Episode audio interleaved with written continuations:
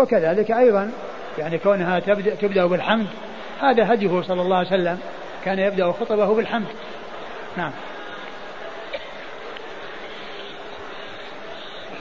قال حدثنا مسدد وموسى بن إسماعيل موسى بن إسماعيل التبوذكي البصري ثقة أخرجه أصحاب الكتب الستة.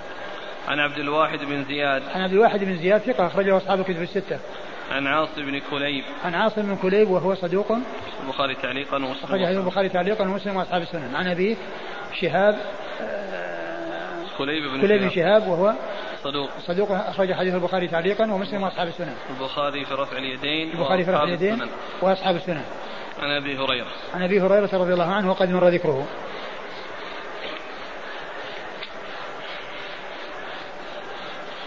قال رحمه الله تعالى باب في تنزيل الناس منازلهم. قال حدثنا يحيى بن إسماعيل وابن أبي خلف أن يحيى بن اليمان أخبرهم عن سفيان عن حبيب بن أبي ثابت عن ميمون بن أبي شبيب أن عائشة رضي الله عنها مر بها سائل فأعطته كسرة ومر بها رجل عليه ثياب وهيئة فأقعدته فأكل.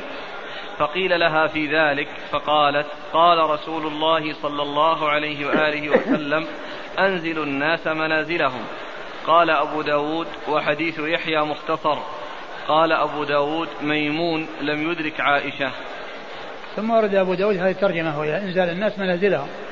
يعني أن كل ينزل منزلته التي تناسبه وليس الناس كلهم على حد سواء. فمن الناس من يكون له شأن وله منزلة يعني سواء في العلم أو في غيره فإنه ينزل المنزلة التي تليق به وليس مثله سائر الناس فكل يعني يعامل بما يستحقه وينزل المنزلة التي يستحقها. وقد أورد أبو داود حديث عائشة رضي الله عنها حديث عائشة أنه مرة جاءها رجل يعني سائل فأعطته كسرة وجاء آخر عليه هيئة يعني جميلة فعقدته وأكل فقيل لها في ذلك يعني وكيف ميزت بين هذا وهذا؟ فقالت قال رسول الله أنزلوا الناس منازلهم. أنزلوا الناس منازلهم. يعني أنها أعطى أنزلت كل منزلته. لكن الحديث غير صحيح. لم ليس بثابت عن رسول الله صلى الله عليه وسلم. يعني ففيه آآ آآ ميمون بن ميمون بن أبي شبيب. ميمون بن أبي شبيب. بن أبي شبيب. وهذا يعني رواية عن عائشة مرسلة. لأن مثل ما قال أبو داود قال أبو داود لم لم يدرك ميمون لم يدرك عائشة. لم يدرك عائشة يعني معناه روايته عنها مرسلة يعني ففيه انقطاع. وهو أيضا قيل فيه أنه يرسل وأنه معروف بالإرسال وأيضا في إسناده حبيب بن أبي ثابت الذي يروي عنه فهو كثير التدليس والإرسال. كثير التدليس والإرسال وقد روى بالعنعنة. يعني ففيه يعني علل متعددة. نعم. قال حدثنا يحيى بن إسماعيل ومسلم ذكره في كتابه في المقدمة وذكره معلقا. قال وذكر عن عن عن عائشة. يعني أنها كانت تقول أنزل الناس منازلهم. نعم. ذكره كيف يا شيخ؟ ها؟ ذكره في المقدمة. عن عائشة موقوف. أي نعم موقوف. وقال ذكر وقال ذكر ما ذكره مسندا. وإنما ذكره معلقا بهذه الصيغة ذكر. عن عائشة أنها كانت تقول أنزل الناس منازلهم. نعم. ولا يصح موقوفا عليها؟ والله ما أدري ما أدري لكنه في الإسناد الذي في مسلم ما هو غير موجود ما أسنده ولكن معناه صحيح أقول معناه صحيح لا شك أن الناس ينزلون منازلهم وليسوا كلهم في منزلة واحدة ولا إشكال في ذلك.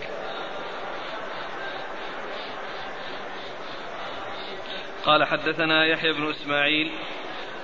يحيى بن إسماعيل هو؟ مقبول أخرجه أبو داود. مقبول أخرجه أبو داود. ومعه شخص آخر وهو أحمد. وابن أبي خلف. ابن أبي خلف وهو أحمد بن محمد. محمد بن أحمد. نعم. محمد بن أحمد. محمد بن أحمد وهو ثقة. أخرجه مسلم وأبو داود. أخرجه مسلم وأبو داود. عن يحيى بن اليمان. عن يحيى بن اليمان وهو صدوق يخطئ كثيرا. صدوق يخطئ كثيرا. أخرجه البخاري في الأدب المفرد ومسلم وهذه علة أخرى. أخرج له البخاري؟ الأدب المفرد ومسلم وأصحاب البخاري الأدب المفرد ومسلم وأصحاب السنن عن سفيان. عن سفيان وهو الثوري. مر ذكره. عن حبيب بن أبي ثابت. حبيب بن أبي ثابت ثقة أخرج حديث البخاري. أخرج حديث أصحاب الكتب الستة وهو كثير التدليس والإرسال. عن ميمون بن أبي شبيب. عن ميمون بن أبي شبيب وهو صدوق أخرجه البخاري في المفرد ومسلم في المقدمة وأصحاب السنن صدوق أخرجه البخاري في المفرد ومسلم في المقدمة وأصحاب السنن عن عائشة. عن عائشة رضي الله عنها وقد مر ذكرها.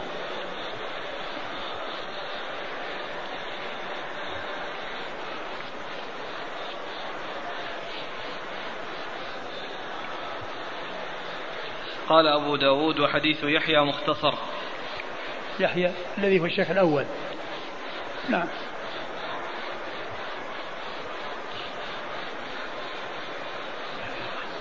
قال حدثنا إسحاق بن إبراهيم الصواف قال حدثنا عبد الله بن حمران قال أخبرنا عوف بن أبي جميلة عن زياد بن مخراق عن أبي كنانة عن أبي موسى الأشعري رضي الله عنه أنه قال قال رسول الله صلى الله عليه وآله وسلم إن من إجلال الله إكرام ذي الشيبة المسلم.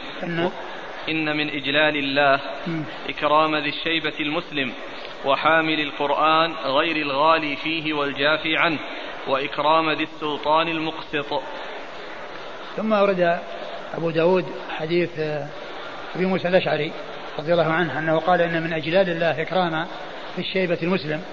يعني يعني كونه يعني كبيرا يعني يكرم ويحترم لكبره ويوقر لكبره لذي الشيبة المسلم يعني الذي قد شاب وصار من أهل صار من الكبار. الذي تقدمت بهم السن فإنه يكرم لسنه ولشيبته. وحامل القرآن غير الغالي فيه والجافي عنه. غير الغالي فيه. الذي الغالي هو المتجاوز الحد أما أن يكون بالتكلف والتنطع أو يعني يعني قراءته بتكلف أو يعني التكلف يعني في في معانيه. وكذلك الجافي عنه الذي يعني يهمله ويعني لا يبالي به والذي يهجره. فإنهما ضدان الغالي والجافي. الغالي في في جانب الإفراط والجانب والجافي في جانب التفريط. يعني هذا مفرط وهذا هذا مفرط مفرط وهذا مفرط. الذي هو الغالي مفرط لأنه متجاوز الحد والجافي مفرط. يعني أنه متساهل. ومتهاون وغافل ويعني آه، غير مقبل عليه وغير مشتغل فيه وغير مشتغل مشتغل بقراءته. وإكرام ذي السلطان المقسط وإكرام ذي السلطان المقسط يعني الذي هو العادل المقسط هو العادل. لأن الإقساط هو العدل. وأما القسط فهو الجور وهما ضدان متقابلان. القاسط والمقسط. القاسط مذموم. والمقسط محمود. قال الله عز وجل وأما القاسطون فكانوا لجهنم حطبا. القاسطون هما الجائرون يعني الظالمون الذي يعني مقابل المقسط. نعم. قال حدثنا إسحاق بن إبراهيم الصواف. إسحاق بن إبراهيم الصواف هو؟ ثقة أخرج البخاري وأبو داود. ثقة أخرجه البخاري وأبو داود. عن عبد الله بن حمران. عبد الله بن حمران وهو صدوق يخطئ قليلا. صدوق يخطئ قليلا أخرج له. البخاري تعليقا ومسلم وأبو داود النسائي البخاري تعليقا ومسلم وأبو داود النسائي عن عوف بن أبي جميلة. عن عوف بن أبي جميلة الأعرابي وهو ثقة أخرج له أصحاب الكتب الستة. عن زيد بن مخراق زياد بن مخراق عن زياد بن مخراق وهو ثقة أخرج له. البخاري في الأدب المفرد وأبو داود. البخاري في الأدب المفرد وأبو داود. عن أبي كنانة. عن أبي كنانة وهو مجهول. قرشي وهو مجهول.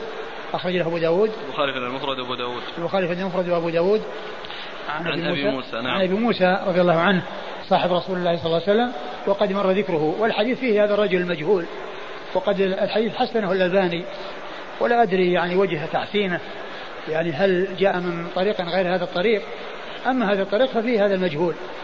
وفي ترجمته في تهذيب التهذيب ما زاد على أن قال آه قال عنهم القطان مجهول. ولم يذكر أقوالا أخرى فيه. ولم يذكر أقوالا أخرى فيه. قال قال عنه مجهول الحال. نعم. يقول الإخوان. آه نحب أن ننبه الآن هو وهو أن أنه قد يعني سيتم إن شاء الله بعد شهر رمضان توزيع كتاب الكتاب الذي هو قطف الجنداني في شرح مقدمة رسالة ابن أبي زيد القرواني الذي كنت كتبته وتأخر وصوله إلى يعني يعني إلى حد الآن وقد وصل الآن ولكنه لا يمكن توزيعه في الوقت الحاضر وسيوزع إن شاء الله بعد رمضان. والمطلوب آه الآن من الإخوان أن كل واحد يكتب ورقة يعني صغيرة يكتب فيها اسمه وبلده وتوقيعه وإذا كان ممن يأخذ المساعدات يكتب أرغب المساعدة والكتب وكذلك أيضا كتاب آه، محاضرتان آه، آه، هما كيف نستفيد من الكتب الحديثية الستة والثانية أثر العبادات في حياة المسلم. وهذه الكتب الثلاثة سنوزعها إن شاء الله بعد بعد رمضان. والذي كان يأخذ المساعدة يكتب مع ذكر اسمه وبلده وتوقيعه أنه يرغب المساعدة والكتب. وأما من كان لا يأخذ مساعدة فيكتب أرغب الكتب فقط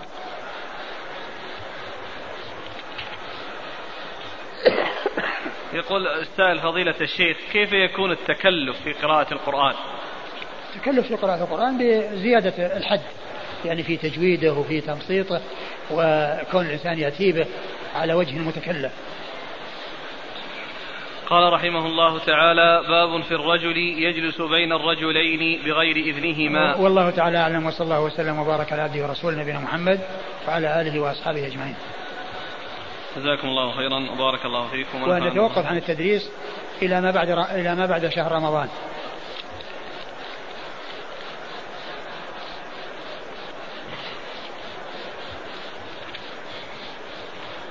ما, ذك ما ذكره العظيم بادي في مسألة البسملة. هل يقتصر على بسم الله أو بسم الله الرحمن الرحيم؟ والله هو كما هو معلوم في تفصيل. يعني في مواضع ورد فيها بسم الله. يعني مثل عند الذبح فإنه لا يؤتى إلا بهذا بهذا المقدار. وأما المواضع التي ورد فيها بسم الله الرحمن الرحيم فإنه يؤتى بها وكالمواضع التي قال فيها سم الله. فإنها محتملة لأن يقول بسم الله وأن يقول بسم الله الرحمن الرحيم. وأما الأشياء التي وردت مثل بسم الله والله أكبر يعني فيما يتعلق بالذبح فإنه لا يؤتى إلا بهذا المقدار لا يؤتى بتكميل البسملة. في في في الذبح؟ نعم. عند الذبح يقول بسم الله والله أكبر ما يقال بسم الله الرحمن الرحيم والله أكبر. طيب عند الأكل والشرب؟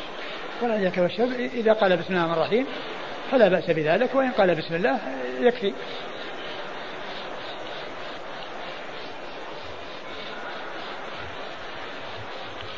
يقول السائل الذي يحفظ القرآن دون معرفة لتفسيره هل يعتبر مفرط وجاف فيه؟ يعني يحفظ القرآن؟ نعم لا لا ما يعتبر مفرط ولا جافي ولكن عليه أن أن يعنى بمعرفة المعاني ويمكنه يمكنه أن أن يدرك شيئا من ذلك بأن يكون عنده القرآن مع تفسير الشيخ ابن سعدي رحمة الله عليه.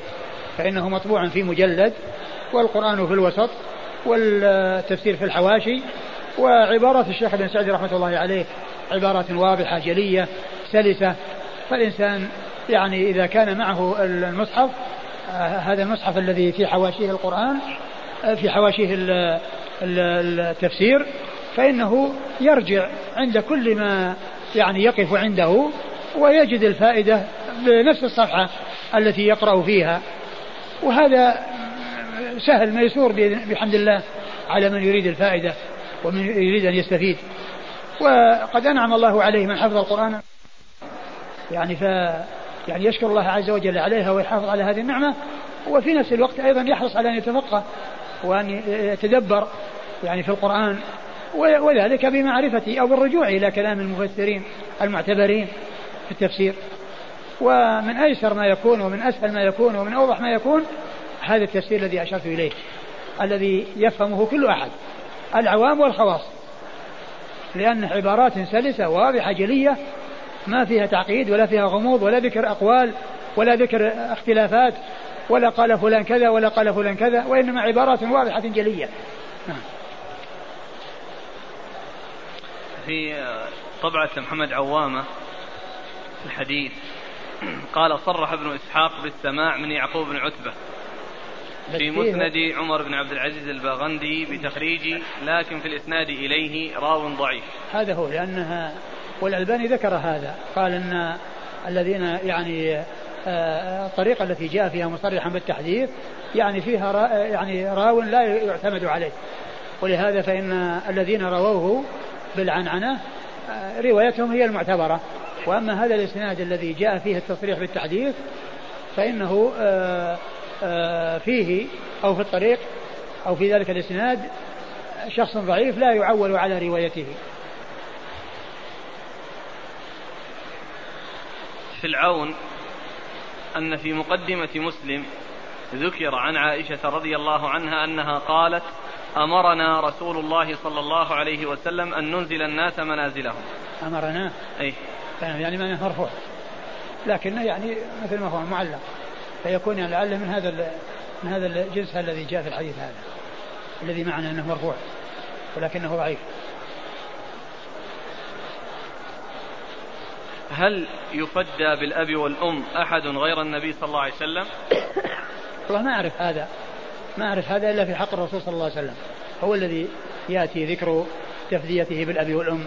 ومعلوم أن الأب والأم لهم حق لهما حق عظيم على الإنسان.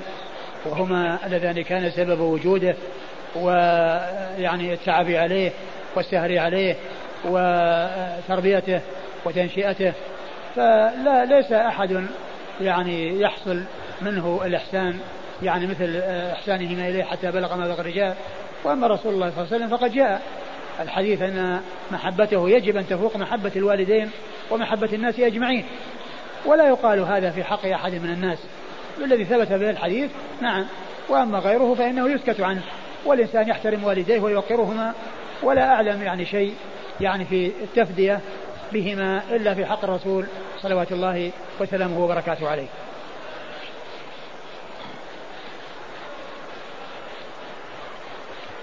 هل عبد الله بن سلام رضي الله عنه من المؤلفة قلوبهم؟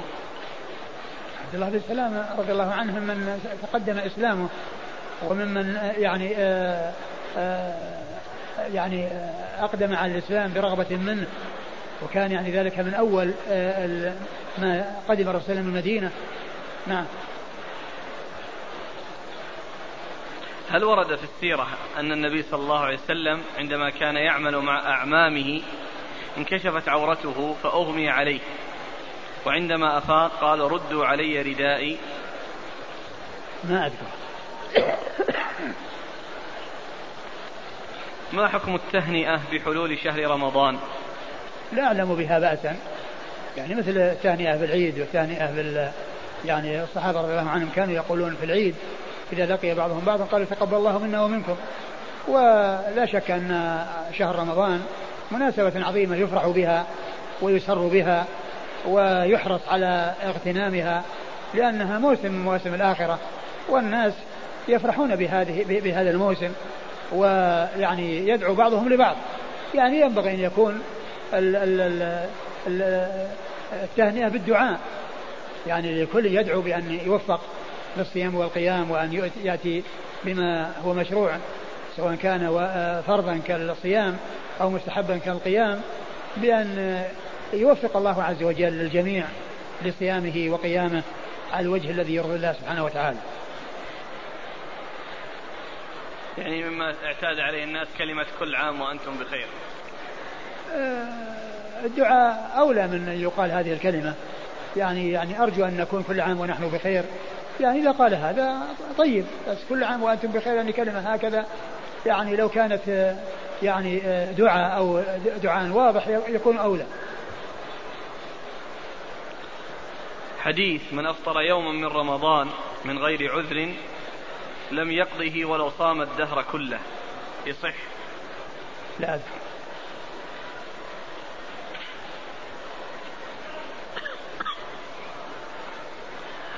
هناك ألفاظ ربما تختم بها الخطابات والرسائل.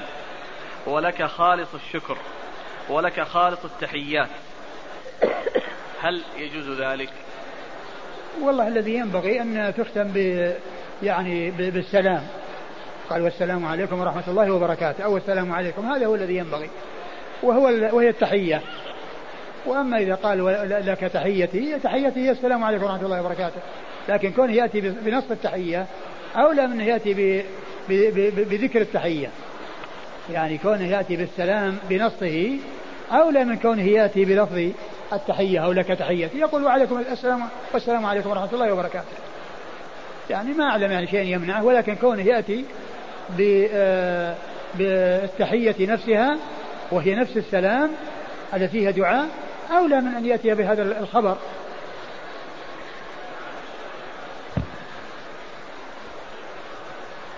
يقول والد أمي متزوج من أربع فهل أبي محرم لزوجات جدي الأربع أم لأم أمي فقط؟ لا أبدا لأم زوجته فقط. أما أما النساء الأخرى فهن أجنبية منه. ولهذا يجوز أن يجمع بين ابنة الرجل ابنة الرجل و و و و وزوجته التي توفى عنها أو التي طلقها. يعني يعني زوجة أبي امرأته. يعني والد امرأته. يعني يجمع بين يعني زوجته وبين بنته. يعني بنت الرجل وبين زوجته المطلقة أو المتوفى عنها. يمكن أن يجمع بينهم الإنسان. وهي أجنبية منه. هل ورد شيء عن النبي صلى الله عليه وسلم في رفع السبابة في التشهد عند المرور بلفظ الجلالة الله. الذي آه، آه، هو عند التشهد. ولكنه يعني جاء يدعو بها. يدعو بها. ومعلوم أن الدعاء عندما يأتي الإنسان يقول اللهم كذا اللهم كذا هذا هو الدعاء. قوله صلى الله عليه وسلم إذا استيقظ أحدكم من نومه فلا يدخل يده في وضوئه حتى يغسلها ثلاثة. فإن أحدكم لا يدري أين باتت يده. هل الأمر بغسل اليدين ثلاثا للوجوب أم للندب؟ لا للوجوب. للوجوب. وقال لا يدري أين باتت يده لأن قد يكون يعني وقعت يعني في مكان يعني متنجس أو فيه نجاسة. يقول أنا رجل مسافر فهل صلاة النوافل تسقط عني ما دمت مسافرا وأنا أريد أن أحصل على فضل الصلاة في المسجد النبوي. الإنسان إذا كان في المسجد النبوي عليه أن يصلي الفرض وأن يصلي ما أمكنه من النوافل لأن هذه فرصة وغنيمة للإنسان لأن الصلاة بألف صلاة وهو لا يتمكن من تحصيل هذه الغنيمة فكونه يعني يصلي ما أمكنه من النوافل ويعني ليحصل بكل صلاة ألف صلاة يعني ذلك خير كثير. هل يجوز أن تنقل صدقة الفطر من بلد إلى بلد آخر؟ الأصل أن تكون في البلد الذي فيه الإنسان. الأصل أن تكون في البلد الذي فيه الإنسان. وكل يخرج زكاته في في بلده الذي هو فيه سواء كان يعني مكان الذي هو فيه. هو بلده الأصلي أو أنه مسافر. ولكنه إذا وكل أحدا يعني بحيث يقوم بدفع تلك الزكاة آه، طعاما في وقتها ذلك سائق. ولكن الأولى هو ما ذكرته أولا أن كل إنسان يخرج زكاة آه، بدنه التي هي زكاة الفطر في البلد الذي آه، جاء الفطر وهو فيه أو حصل الفطر أي انتهاء الشهر وهو فيه. ما حكم قراءة آية الكرسي دبر كل صلاة؟ يقرأها. هي وال وال وال قل هو الله واحد ومعوذات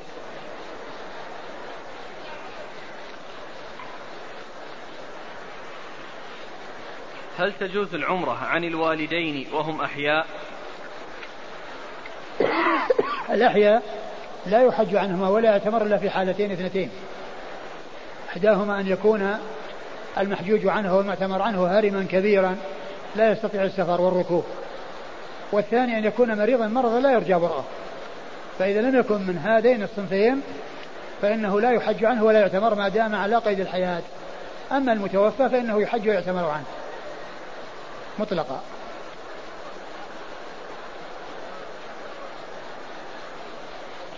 وهل تجوز العمرة في الشهر أكثر من مرة. ما لا أعلم شيء يمنع من ذلك. لا أعلم شيئا يمنع من ذلك. والحديث جاء في المتابعة بين العمرة والحج وأن المتابعة أنها تنفي الذنوب. يعني فجاء وكونها تحصل في شهر واحد مكررة ما ليس هناك مانع يمنع منها. ما نعلم شيئا يمنع منها. والأصل هو الجواز. مع شدة الزحام في هذا المسجد يصعب الاحتراز من المرور أمام المصلي فما الحكم؟ الإنسان إذا إذا إذا لم يستعجل يتمكن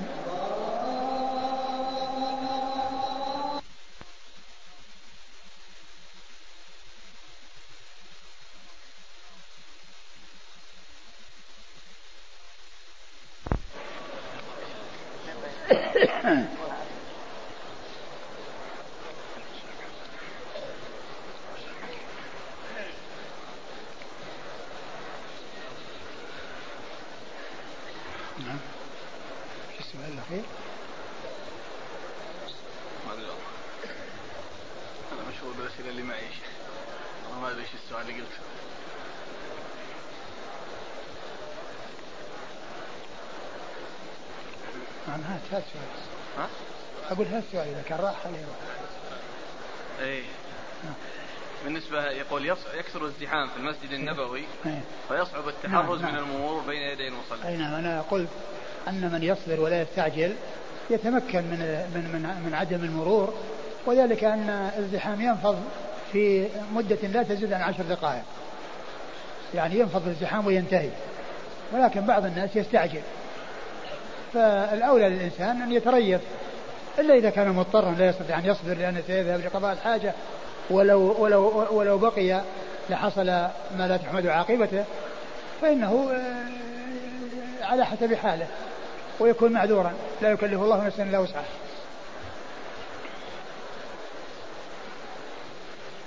يقول إذا كان في القرية فقراء أو مساكين غير ملتزمين في الدين. ولم يصلوا ولا يصومون. وفيها طلاب علم شرعي يلتزمون بالدين. فأيهم أولى بالزكاة؟ إذا إذا كانوا طلاب العلم أنهم فقراء لا شك أنهم هو هم الأولى بل هو المتعين لأن الذي لا يصلي لا يصح أن يعطى من الزكاة. الذي لا يصلي لا يعطى من الزكاة. يقول أريد قولا فصلا في الدخان. أهو حرام أو مكروه؟ الدخان حرام. والدخان كما هو معلوم إنما صدر حصل في الأزمنة المتأخرة. وقد مضى قرون طويلة لا يوجد فيها الدخان. ولكنه وجد بعد أزمان في أزمان متأخرة والشريعة يعني كما هو معلوم مستوعبة لما يجد ولما يحصل من النوازل وكذلك الأمور التي لا وجود لها في زمن التشريع هي مستوعبة لها وذلك بعموماتها وبقياسها وبقواعدها فإن فإنها تستوعب يعني مثل هذه الأشياء التي تنزل وتحصل ولم يكن لها وجود من قبل. ومن المعلوم أن الدخان فيه أمور أو أدلة متعددة تدل على تحريمه فهو أولا لا يقال إنه من الطيبات وإنما يقال هو من الخبائث. والله عز وجل ذكر من صفات نبينا محمد صلى الله عليه وسلم أنه يحل الطيبات ويحرم الخبائث. فإذا كان الدخان ليس من الطيبات وإنما هو من الخبائث فإذا محرم لكونه من الخبائث هذا من جهة. ومن جهة أخرى الله عز وجل نهى عن قتل النفس. قال ولا تقتلوا أنفسكم. إن الله كان بكم رحيما. ومعلوم أن الدخان سبب في قتل النفس. وأنه يجلب الأمراض التي تؤدي إلى الهلاك وتؤدي إلى الوفاة. ففيه يعني هذا يعني هذا يدخل تحت هذا العموم. ثم أيضا السنة والشريعة جاءت بتحريم إضاعة المال والنهي عن إضاعة المال. وقد ثبت في الحديث عن النبي صلى الله عليه وسلم أنه كان ينهى عن ثلاث آه، قيل وقيل وقال وكثرة السؤال وإضاعة المال. ولا شك أن أن آه، إضاعة المال في الدخان هي إضاعة له. لأنها إضاعة في في في غير طائل بل إضاعة في مضرة. ويمكن أن نذكر مثلا يوضح مدى يعني آه، كونه آه، إضاعة للمال أو من أشد ما يكون إضاعة للمال. لو أنك رأيت إنسانا معه نقود معه نقود يمزقها ويرميها في الهواء ماذا تقول له؟ تقول هذا يعني يعني هذا ما عمله كيف يوصف؟ عمل سيء يعني بل يتهم في عقله. ولكن هذا أهون من, من الذي يصرف الأموال في الدخان لأن هذا ضيع نقوده بس وجسده ما جاء شيء. جسده سليم. ضيع نقود وأتلفها وأطارها في الهواء وضاع هذا المال من غير ضرر حصل لجسده. فإذا اشترى بالنقود دخان واستعمله معنى ذلك أنه وضعه في مضرة. فإذا هذا أحسن حالا من هذا. وهذا أسوأ حالا من هذا. يعني ذاك الذي يمزق ولا يشري بها دخان أهون وأخف. وذا وهذا أسوأ من ذاك الذي يمزق النقود. لأن الذي مزقها وأتلفها جسمه ما جاء شيء من تمزيقها. وأما الذي اشترى بها دخان فإنه أتلف أتلفها في أمر يعود على جسمه بالمضرة. فالأمر يعني واضح يعني جلي. ثم أيضا يعني ما هو معلوم يعني كونه يجلب الأمراض يعني كون الدخان ي... ي... هذا الدخان يذهب للجوف يذهب ل... يعني معلوم الآن الجهات التي يكون فيها دخان كيف يكون شكلها؟ يعني المطابخ الذي يطبخون على الحطب أو يطبخون يعني في آه، يعني في أشياء يظهر منها دخان تظهر يعني مسودة وملوثة. يعني غير نظيفة وسخة قذرة بسبب هذا الدخان. وإذا كانت الجدران وهي صلبة ويابسة يعلق فيها الدخان فكيف بالرطوبة؟ وجوف الإنسان الذي فيه رطوبة يعني من باب أولى أن يعلق فيه الدخان. فيكون الإنسان يعني يجلب على نفسه المضرة من جهات كثيرة. ثم بالمناسبة وقد يعني أوشك شهر رمضان على الدخول فإن من ابتلي بشرب الدخان فإن شهر رمضان مناسبة عظيمة له للتخلص من الدخان. وذلك أنه يعقد العزم على أن يتركه وأن يعمر نهاره بالصيام و ويسلم من الدخان فيه وفي الليل يأكل مما حل الله ويتقرب إلى الله عز وجل بالطاعات ويصلي مع الناس ويصبر عن الدخان ثم يمر عليه أيام وقد ترك الدخان. فيكون ذلك فرصة ومناسبة يعني عظيمة. الإنسان يحرص على من ابتلي بالدخان يحرص على التخلص منه بهذه المناسبة العظيمة. وذلك بأن يعقد العزم ويصمم ويكون شجاع وأن يكون قوي على نفسه الأمارة بالسوء بحيث يجاهدها ويتخلص من هذا البلاء الذي يضره في ماله وفي بدنه ويؤذي الناس الآخرين أيضا. يؤذي الناس برائحته الكريهة. يعني وهذه أيضا من جملة المضار التي فيه غير ما ذكرته سابقا وهي أنه يؤذي الناس. هذا يسأل عن قطرة العين هل تفطر؟ قطرة العين لا تفطر ولكنه إذا وجد طعمها في حلقه فالذي ينبغي له أن أن يقضي ذلك اليوم. ولكن على الإنسان ألا يقطر في النهار يقطر في الليل. يقول أمي توفيت وعليها قضاء رمضان وعندها خمسة أبناء وكل منهم يريد القضاء عنها. فهل يصومون كل واحد يصوم مثل بعض الأيام؟ نعم يمكن. يمكن أن يتوازعوا الأيام وكل يصوم عنها بعض الأيام. يجوز أن يصوم عنها شخص واحد وأن يقوم عدد بهذا الصيام على سبيل التوزيع بينهم. وهذا إنما هو في رمضان. يعني في شهر رمضان أو في أو في النذر أو في الأشياء الواجبة التي لازمة الإنسان سواء بحكم الشرع الذي هو كرمضان أو بالنذر الذي أوجبه الإنسان على نفسه. سألتني امرأة أنها كانت صائمة قضاء لرمضان وقد بخرت البيت بالبخور فقلت لها إن العلماء يرون أن البخور من المفطرات. ويلزمك إعادة ذلك اليوم ويمكن أن تستمري في الصوم على أن يكون نفلا. أولا البخور يعني لا بأس من, من, من استعماله بشرط أن لا يعني يستنشق الإنسان وأن لا يأتي إلى جوف الإنسان عن طريق أنفه وعن طريق استنشاقه. وأما إذا كان مجرد يعني استنشقته أو أنه يعني ما استنشقته ولكنها شمته يعني ولم تستنشقه هذا لا يؤثر. ولكنها إن استنشقته ووصل إلى جوفها نعم يحصل به الإفطار. أما مجرد أن يكون يبخر البيت وتشم الرائحة هذا ما, ما, ما يؤثر لأنه ما دخل ما دخل جرب مثل ما يدخل الدخان الذي يعني تستنشقه ويذهب إلى جوفها. هل يصلح أن يقال عن سيرة النبي صلى الله عليه وسلم بأنها أسطورة؟ فيقول القائل وغدت سيرته أسطورة يتناقلها رواة عن رواة. لا ما يقال أسطورة لأن الأسطورة يعني في الغالب ذم وليست مدح. الأساطير أساطير الأولين. فمثل هذا التعبير ليس بمحمود فلا يصلح ولا يليق أن توصف سيرة الرسول بأنها أسطورة. هل يجوز للمرأة أن تدخل المسجد وهي حائض؟ علما بأنها تريد العمرة والسفر بعد أربعة أيام. لا يجوز للمرأة أن تدخل المسجد وهي حائض.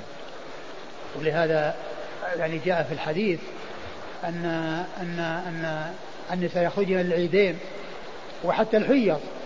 ولكن قال ويعتزلن المصلى. المكان الذي يصلي يصلي فيه, يصلي فيه النساء ما تكون النساء الحيض مع النساء المصليات.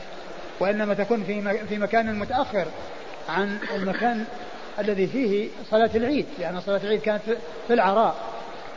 فالنساء أمرنا وإلا فالنساء لا تدخل لا تدخل المسجد. نعم إذا دخلت المسجد مارة أو احتاجت إلى المرور وقد عملت يعني شيئا آه، يعني يمنع تساقط الدم منها يعني يستعمل يعني شيئا يعني آه، آه، استلطفته بمعنى أنه يمنع من سقوط شيء وقد احتاجت للمرور لا لا بأس. أما كونها تجلس وتمكث فلا يجوز لها ذلك. هل يجوز عمل عمرتين في سفر واحد لأمي إذا كان الإنسان قصده بالسفر كونه جاء من بلده وسيرجع إلى بلده فإنه يمكن أن يأتي بعمرتين إحداهما حين قدم إلى من بلده إلى مكة واعتمر لنفسه ثم جاء إلى المدينة وذهب إلى مكة مرة أخرى فإنه يعتمر لأمه أو لمن شاء لنفسه أو لأمه أو لمن شاء عمرة ثانية وتكون تلك في سفرة واحدة. هل يوم 29 من شعبان يقال عنه يوم الشك؟ يوم 29 إذا ثبت دخوله يعني آه، بال يعني بال آه، اليوم الذي يكون فيه 29 مثل يوم الاثنين يعني لو ثبت دخوله يعني فيه فإنه يكون يوم ما يكون يوم الشك يكون يوم الشك الذي وراه. لأن اليوم الذي دخل فيه الشهر وانختم فيه لو كان ناقصا يكون 29 يعني يعني يكون آه، يوم الشك هو يوم الثلاثين. ويوم 29 فإنه لا يكون يوم شك. إذا كان أنه يعني ثبت دخوله مثلا في يوم الاثنين يصير الاثنين 29 ويصير الشك يوم يوم 30 اللي هو ليلة, الثلاثين. ولكن يعني آه، آه، الشهر هذه السنة كما أعلن مجلس القضاء أنه ما رؤي ما رآه ليلة الاثنين إلا شخص واحد وأنه رآه ليلة الثلاثة عدد كبير من الناس وأنه ينتظر هذه الليلة فإن لم يرى فإنه ينتظر آه يعني ليلة الثلاثين. وعلى كل على هذا ما دام أن حصلت الرؤية يعني في, في يوم الاثنين مو بشك وإنما الشك يوم الثلاثة. الثلاثة والأربعاء هذه اللي ينظر فيها الهلال. وأما يوم الاثنين الذي يعتبر 29 فلا يكون يوم شك. إذا كان الإنسان عليه لأن الشهر لا يزيد عن 30 ولا ينقص عن 29 الأشهر العربية الإسلامية هي لا تقل عن 29 ولا تزيد عن 30 ما في شهر يعتبر 28 ولا شهر يعتبر 31 فهي إما هذا وإما هذا. ولهذا النبي صلى الله عليه وسلم قال إن أم إن أمتي أمية لا نقرأ ولا نحسب ثم قال الشهر هكذا وهكذا وهكذا. وعد ثلاث مرات بأصابعه أنه يكون كاملا.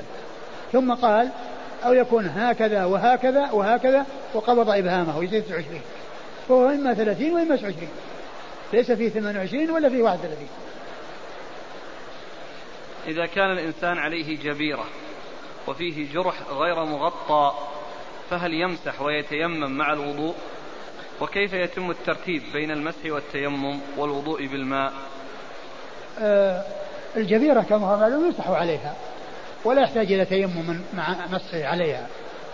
وأما الجرح الذي لا يغسله الإنسان وإنما يغسل ما حوله فإنه يتيمم له. يتيمم له. أنا أريد أن أخرج للعمرة ولكني اعتمرت مرة من قبل. فهل يمكن لي أن أعتمر عن أكثر من واحد في سفر واحد؟ هل هل هل إيش؟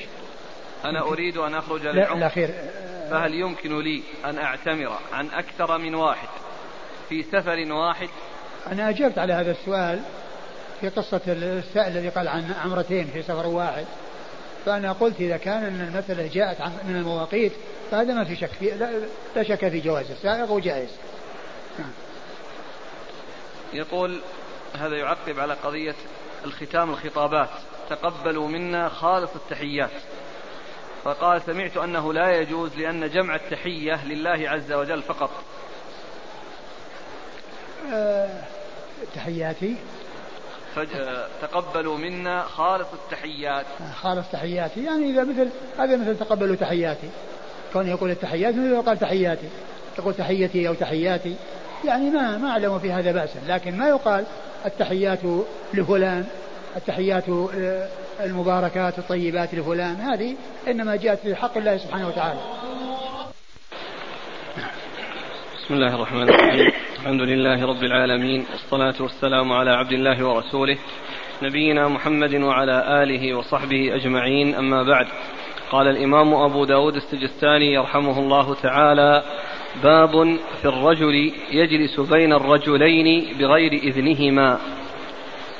قال حدثنا محمد بن عبيد وأحمد بن عبده المعنى قال حدثنا حماد قال حدثنا عامر الأحول عن عمرو بن شعيب قال ابن عبده عن أبيه عن جده رضي الله عنه أن رسول الله صلى الله عليه وعلى آله وسلم قال لا يجلس بين رجلين إلا بإذنهما.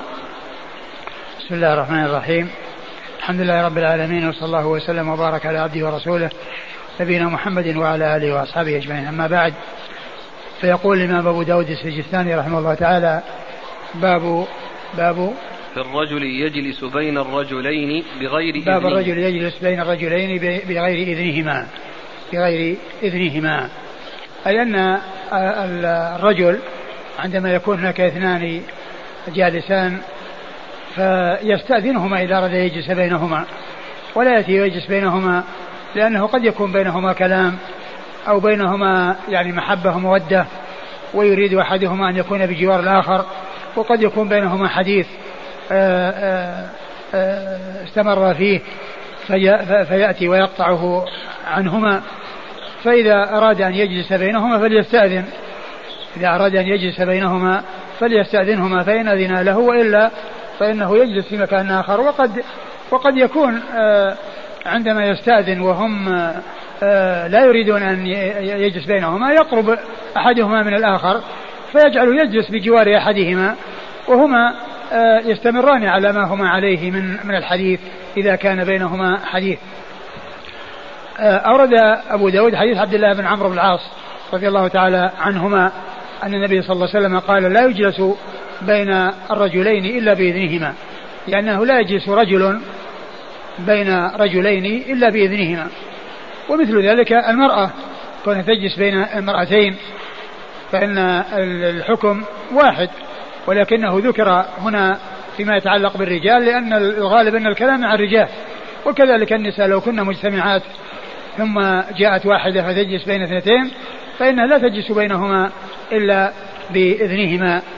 وذلك لما يترتب على ذلك من آه، قطع آه، ما يكونان قد اشتغل فيه أو يتحدثان فيه أو آه، كل منهما يريد أن يجلس بجوار الآخر لأنه مرتاح إلى الجلوس معه فيأتي ويفرق بينهما فجاء النهي في ذلك عن رسول الله صلوات الله وسلامه وبركاته عليه.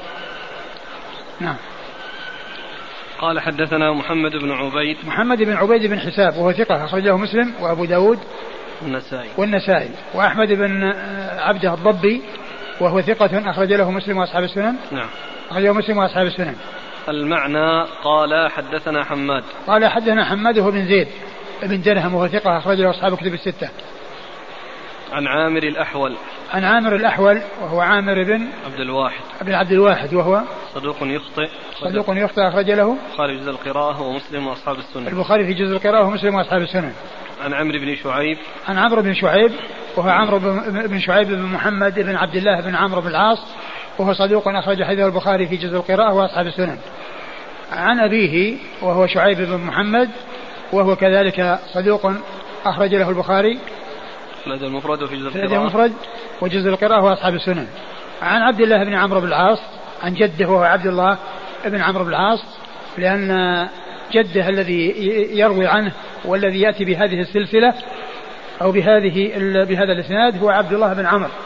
فيكون الحديث متصلا وقد صح سماع وصحت رواية آه، عبد الله شعيب عن أبيه عن عن جده عن جده عبد الله بن عمرو.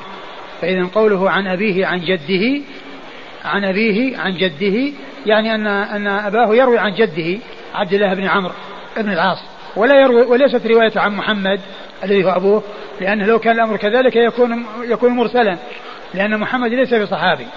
ولكن صح سماع آه، شعيب بن محمد من جده عبد الله و وروايته عنه. ويأتي في بعض الحديث تسميته كما جاء في الحديث الذي بعد هذا. لأن الحديث الذي بعده قال عن عمرو بن شعيب عن عن عن, عن أبيه عن عن عبد الله بن عمرو. يعني بدل ما يقول جده قال عن عبد الله بن عمرو. نعم. وعبد الله بن عمرو أخرجه أصحاب كتب الستة. نعم. يقول السائل هل يدخل في الاستئذان إذا كانا ماشيين نعم وكذلك. لأن كونهما يكون ماشيين فيأتي ويدخل بينهما ويفرق بينهما وهما ماشيان يعني كذلك من جنسه. قال حدثنا سليمان بن داود المهري قال أخبرنا ابن وهب قال أخبرني أسامة بن زيد الليثي عن عمرو بن شعيب عن أبيه عن عبد الله بن عمرو رضي الله عنهما عن رسول الله صلى الله عليه وعلى آله وسلم أنه قال لا يحل لرجل أن يفرق بين اثنين إلا بإذنهما. ثم ورد حديث عبد الله بن عمرو من طريق أخرى وفيه, لا وفيه أنه قال لا يحل لرجل أن يفرق بين اثنين إلا بإذنهما. لا يحل للرجل أن يفرق بين اثنين وهذا عام. يعني يشمل ما إذا كان في جلوس وإذا كانوا ماشيين. لأن هذا يقال له تفريق بين اثنين وليس خاصا بالجلوس. ومن المعلوم أن القيام والمشي يعني وهو كون المشي قد يكون أشد من الجلوس. وذلك أنهما قد يكونان متلازمان يعني في المسير وقد يكون كل واحد منهما أخذ بيد الآخر من للصلة التي بينهما وقوة الصلة التي بينهما. فالحديث هذا يعني عام يشمل ما إذا كانوا جلوسا وإما إذا وإذا كانوا ماشين فلا يفرق بينهما أحد إلا بإذنهما. نعم. قال حدثنا سليمان بن داود المهري. سليمان بن داود المهري ثقة أخرج حديث أبو داود والنسائي. أبو داود بن ماجه. أبو داود؟ أبو داود النسائي أبو داود النسائي نعم. عن ابن وهب. عن ابن وهب عبد الله بن وهب المصري وهو ثقة أخرجه أصحاب كتب الستة. عن أسامة بن زيد الليثي. عن أسامة بن زيد الليثي وهو صدوق. يهم. صدوق يهم أخرج له. البخاري تعليقا ومسلم وأصحاب البخاري تعليقا ومسلم وأصحاب السنن. عن عمرو بن شعيب عن أبيه عن عبد الله بن عن عمرو بن شعيب عن أبيه عن عبد الله بن عمرو. وهنا صرح بأن المروي عنه أو الذي يروي عنه آه، شعيب هو عبد الله الذي هو جده. في الإسناد الأول قال ابن عبده عن أبيه.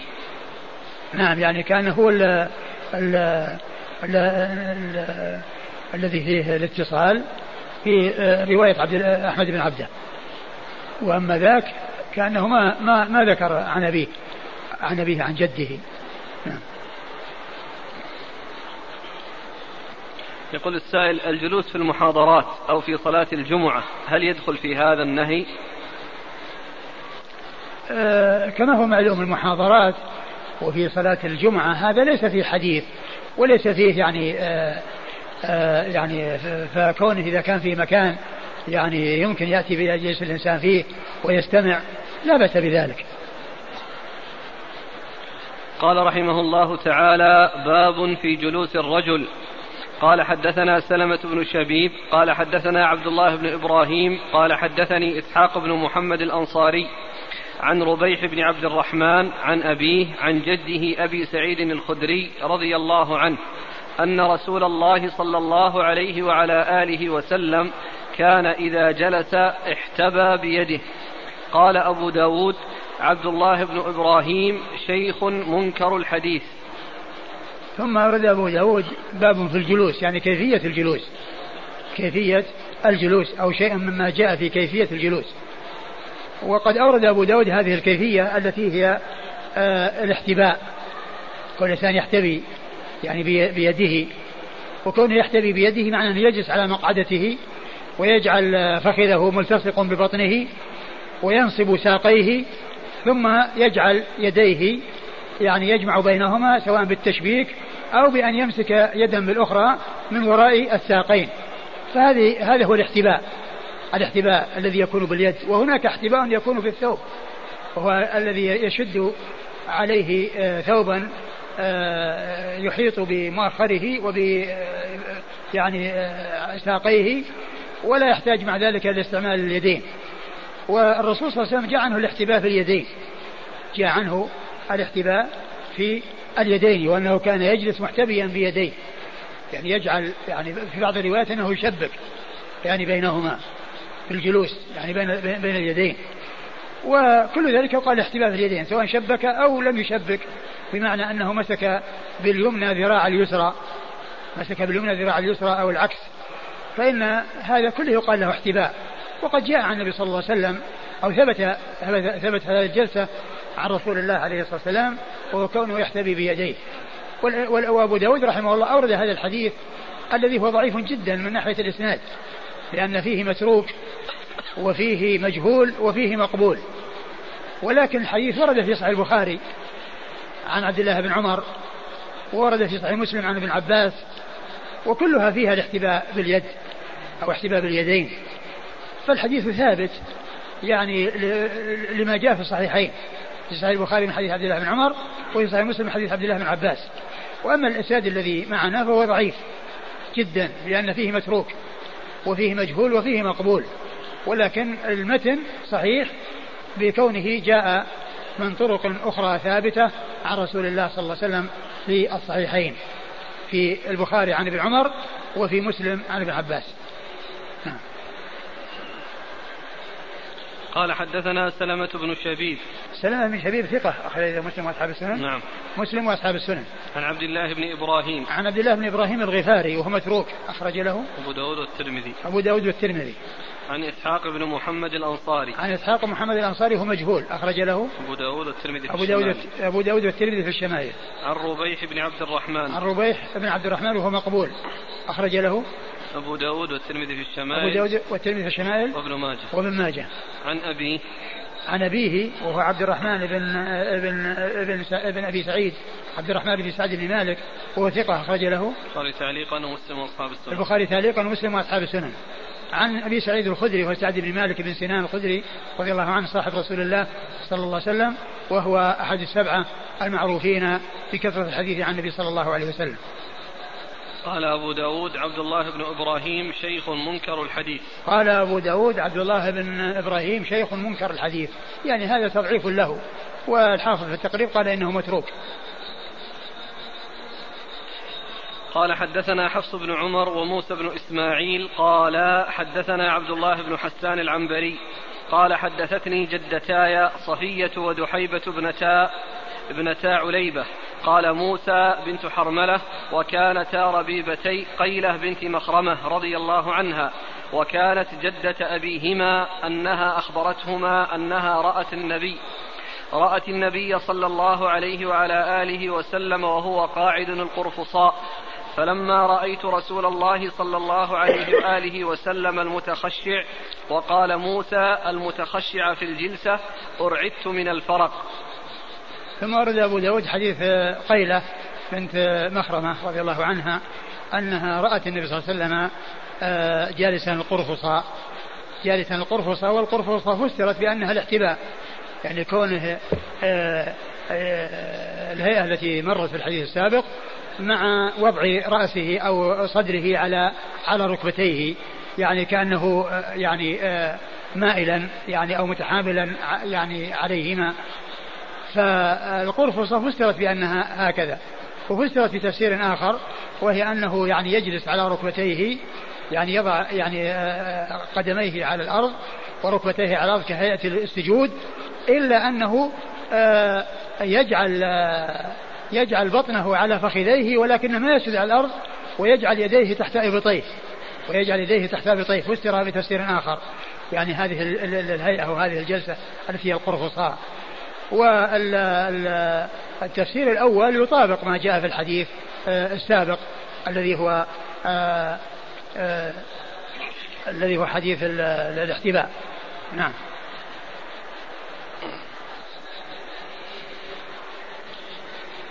قالت فلما رأيت رسول الله صلى الله عليه وآله وسلم المتخشع وقال موسى المتخشع في الجلسة أرعدت من الفرق. يعني معناها أنها فزعت وخافت يعني لما رأته وكأنها خشيت يعني عليه أو أنه يعني متأثر أو ما إلى ذلك من من الأسباب التي جعلتها يعني تفرق وتحزن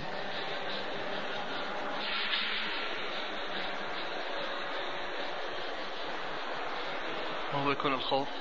نعم الفرق ما يكون الخوف نعم الخوف نعم قال حدثنا حفص بن عمر حفص بن عمر النمري ثقة أخرج حديث البخاري وأبو داود النسائي. وموسى بن إسماعيل. موسى بن إسماعيل التبوذكي ثقة أخرجه أصحاب الكتب الستة. عن عبد الله بن حسان العنبري. عبد الله بن حسان العنبري مقبول. نعم أخرجه البخاري في المفرد وأبو داود والترمذي. أخرجه البخاري في المفرد وأبو داود والترمذي. عن جدتيه صفية ودحيبة ابنتي عن جدته صفية و...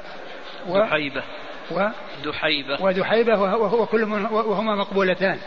وكل منهما أخرج له البخاري في المفرد وأبو داود والترمذي البخاري في المفرد وأبو داود والترمذي عن قيلة بنت مخرمة وهي صحابية أخرج حديثها. البخاري في المفرد وأبو داود والترمذي البخاري في المفرد وأبو داود والترمذي والحديث في إسناد هذا المقبول ولكنه يعني كما هو معلوم الحديث الأول شاهد له. أو الأحاديث الأخرى التي صح دلت على ثبوت الحديث الأول شاهدة له.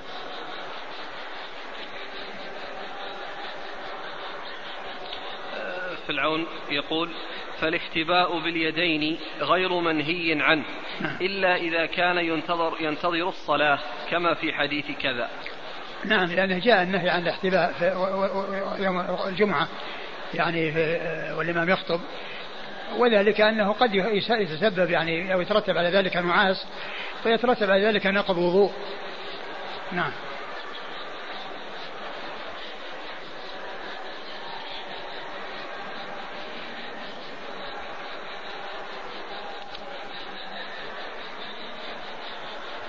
قال رحمه الله تعالى باب في الجلسة المكروهة.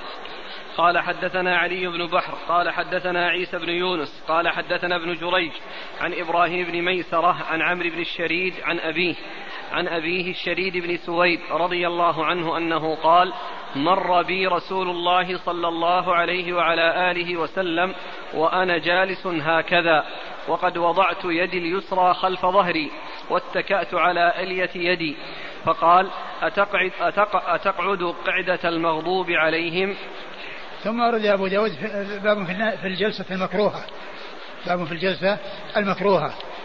والمكروه يعني قد يراد به المحرم وقد يراد به آه، آه، يعني ما هو مكروه للتنزيه. ولكن كونه جاء في الحديث جلسة المغضوب عليهم دل على على التحريم. وأن هذا يدل على التحريم. و آه، أورد في حديث الشريد بن سويد رضي الله عنه. أنه قال مر بي رسول الله صلى الله عليه وسلم وقد وضعت يدي اليسرى خلف ظهري. إيش؟ نعم وت... نعم وضعت يدي اليسرى خلف ظهري واتكأت على ألية يدي. واتكأت على ألية يدي. يعني فسر ذكر في عون المعبود تفسيره بأنه يعني جعل يده اليسرى خلف ظهره واتكأ على إلية يده اليمنى. والمقصود بالإلية يعني ما كان من جهة الراحة من جهة الإبهام. الراحة من جهة الإبهام هذا يقال له إلية اليد. ف ويحتمل أن يكون المقصود به أن كل ذلك يتعلق باليد اليسرى وأن يعني أنه جعلها وراء ظهره وأنه جعل إليتها يعني الأرض يعني متكئا عليها أي الجهة التي من جهة الراحة التي من جهة الإبهام وليست التي من جهة الخنصر. التي هي الجهة الأخرى. نعم. قال أتقعد, أتقعد قعدة المغضوب عليهم؟ يعني وهذا استفهام إنكار. نعم. قال حدثنا علي بن بحر. علي بن بحر هو؟ ثقة أخرج البخاري تعليقا وأبو داود والترمذي ثقة أخرجه البخاري تعليقا وأبو داود والترمذي عن عيسى بن يونس. عن عيسى بن يونس بن أبي إسحاق وهو ثقة. أخرجه أصحاب كتب الستة. عن ابن جريج. عن ابن جريج عبد الملك بن عبد العزيز بن جريج المكي ثقة أخرجه أصحاب كتب الستة.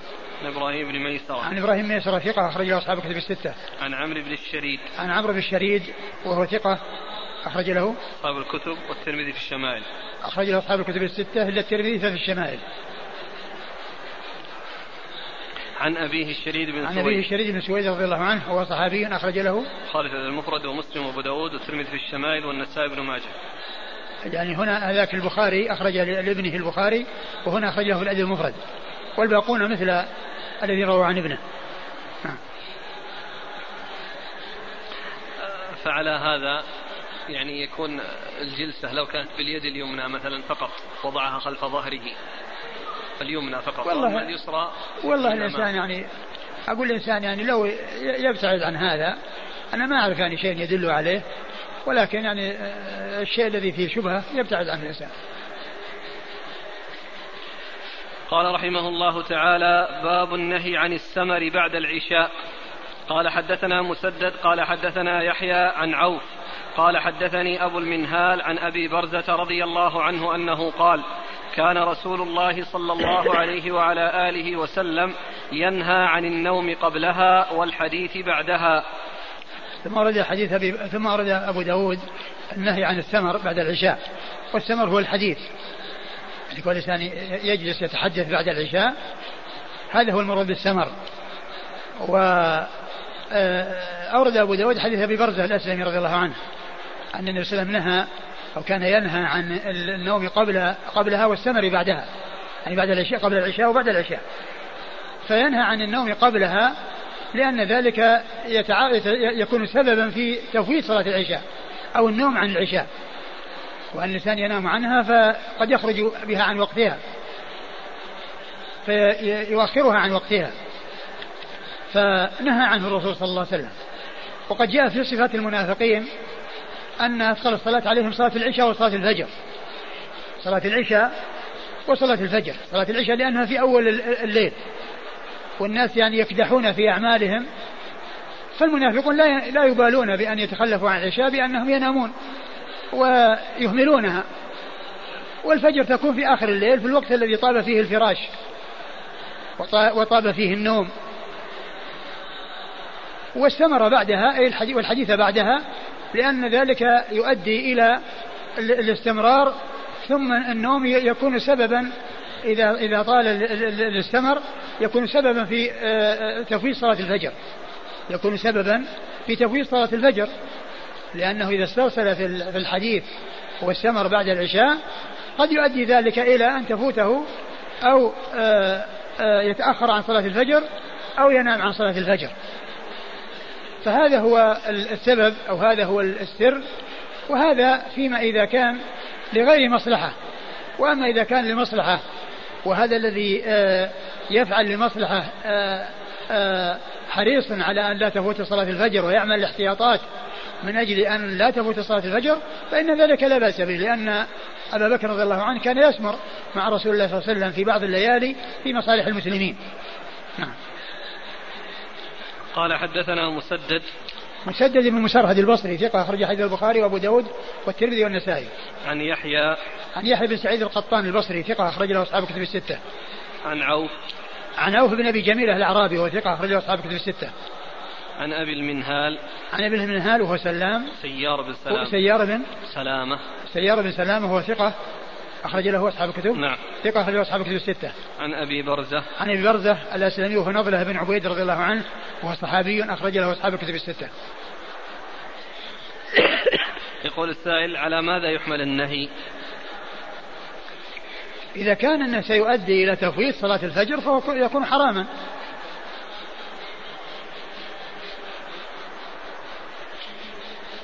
وهذا يقول هل ينتفي النهي إذا انتفى السبب وهو ترك الصلاة. نعم إذا كان أنها إذا كان أنه ما ما يترتب على ذلك فوات الصلاة لا بأس به لأن النبي صلى الله عليه وسلم كان يفعل ذلك مع أبي بكر. قال رحمه الله تعالى باب في الرجل يجلس متربعا.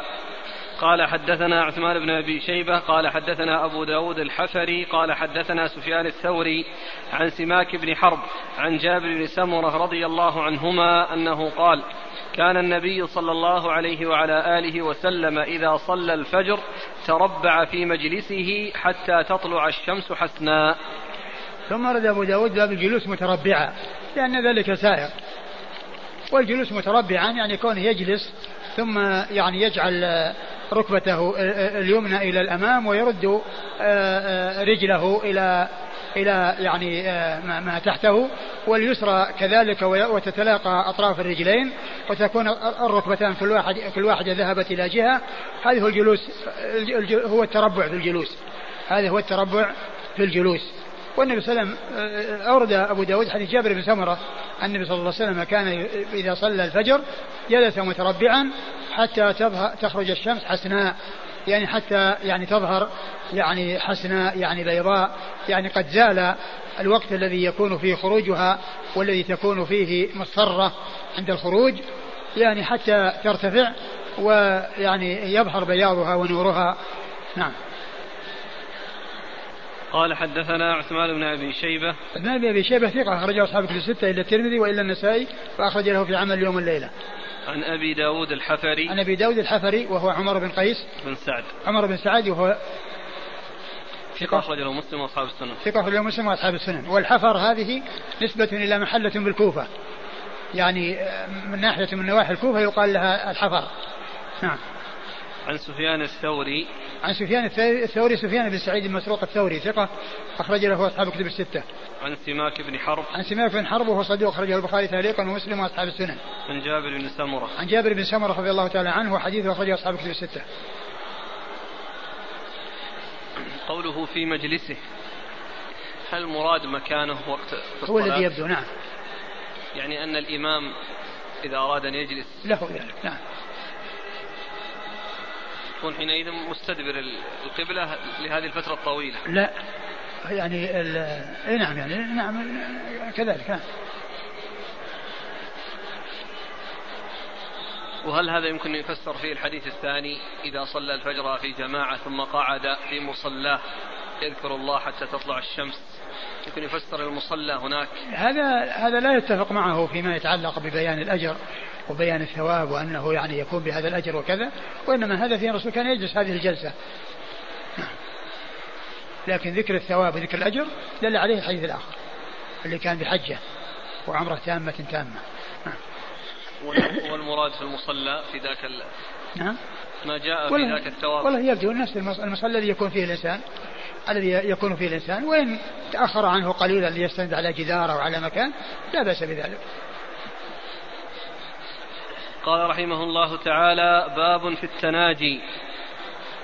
قال حدثنا أبو بكر بن أبي شيبة قال حدثنا أبو معاوية عن الأعمش قال حاء وحدثنا مسدد.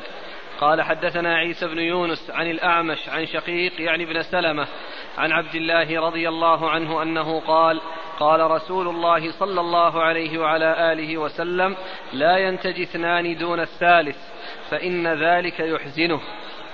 ثم ورد أبو داود باب في التناجي. يعني والتناجي هو التحدث يعني آه، سرا بين يعني بعض الجالسين. فإذا كانوا ثلاثة فلا يتناجى اثنان دون الثالث لأن ذلك يحزنه. ولكن إذا كانوا أربعة فيمكن أن يكون كل آه، إذا تناجى اثنان يبقى اثنان. يمكن أن يتناجى أو يقرب بعضهم بعض ويتحدثان. لكن إذا صار واحدا وهؤلاء يعني الاثنان يتحدثان قد يعني ذلك يحزنه ولكن إذا استأذنوا منه وحصل استئذان بأن هناك أمر يدعو أو أن الذي يتناجى يريد أن يتناجى مع كل واحد منهم. قد يكون الشخص يعني يتناجى مع إنسان ثم يتناجى مع الآخر. الذي هو قد يكون مرجعا وقد يكون شخصا مسؤولا وقد يكون يعني إنسان آه، يعني يرجع إليه في فتوى أو في غيرها ولا يراد أن يظهر يعني الحديث. فيمكن أن أن هذا يسأله بينه وبينه ثم هذا يسأله بينه وبينه. وقد يكون هو نفسه يريد أن يتحدث مع واحد على حدة وواحد مع على حدة فإذا كان الأمر كذلك فإن هذا ليس فيه محذور. وإذا كان أيضا استأذنوه وأنهم بحاجة إلى أن يتحدثوا وأذن أيضا زال المحذور. نعم. قال حدثنا أبو بكر بن أبي شيبة. أبو بكر بن أبي شيبة هو عبد الله بن محمد وهو ثقة أخرج أصحاب الكتب الستة إلا الترمذي. عن أبي معاوية. عن أبي معاوية محمد بن خازم الضرير الكوفي وهو ثقة أخرج أصحاب الكتب الستة. عن الأعمش. الأعمش سليمان بن مهران الكاهلي الكوفي ثقة أخرج أصحاب الكتب الستة. قال حا وحدثنا مسدد عن عيسى بن يونس قال حا وحدثنا مسدد تحول من اسناد إلى إسناد ومسدد وعيسى بن يونس مر ذكرهما. عن الأعمش عن شقيق يعني ابن سلمة. هو شقيق هو بن سلمة آه، آه، اللي هو أبو وائل كنيته أبو وائل وهو ثقة مخضرم أخرج له أصحاب كتب الستة. عن عبد الله عن عبد الله بن مسعود رضي الله تعالى عنه هو صحابي جليل أخرج حديثه أصحاب كتب الستة. عيسى بن يونس عيسى بن يونس بن أبي إسحاق ما تقدم هو اللي مر بنا؟ ما تقدم ما تقدم قريبا؟ لا من هو اللي تقدم معه؟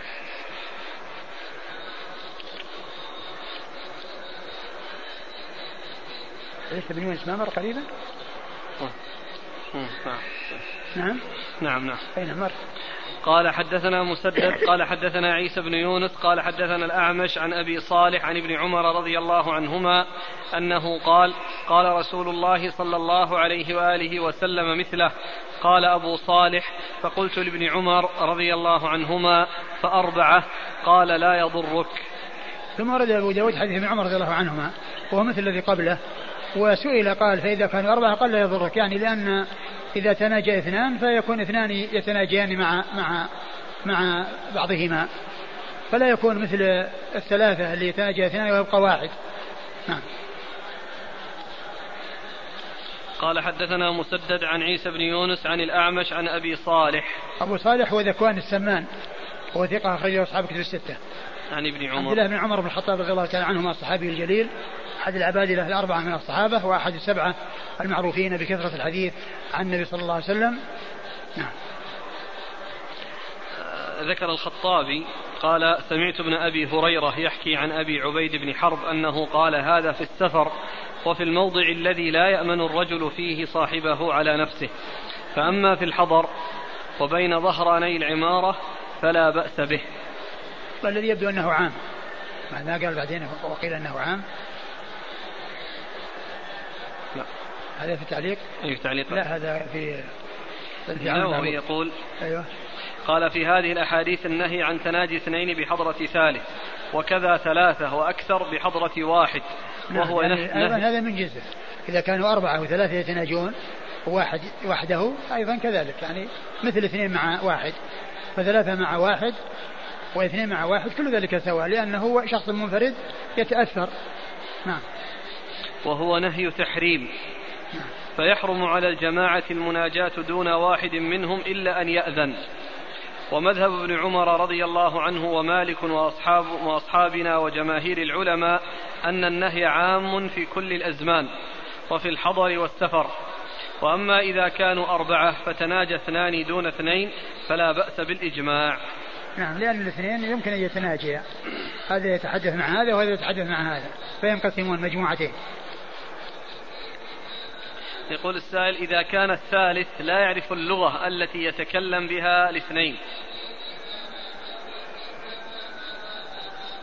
لا آه. يتكلم بها الاثنان وهما يتكلمان بصوت مرتفع فهل هو من النجوى؟ هذا ما يؤثر لا أقول هذا ما يؤثر لأن ما انفردوا عنه لأنه يعني يترجمون له كلامهم أقول كلامه يروحون يترجمونه له حتى يفهم ما له ما له علاقة به لكن لو كانوا يتكلمون بالعربية ثم قلبوا ثم إيش؟ قلبوا الهرجة. صار يعني يتكلمون بالعربية لا. ثم غيروا اللهجة. ما ما يناسب. إذا كان لغتهم جميعا واحدة ثم راحوا يتحدثون يعني هذا مثل التناجي. هذا مثل التناجي سرا لأن ما دام ما يفهم اللغة وهم يعني صاروا يتحدثون صار مناجاة.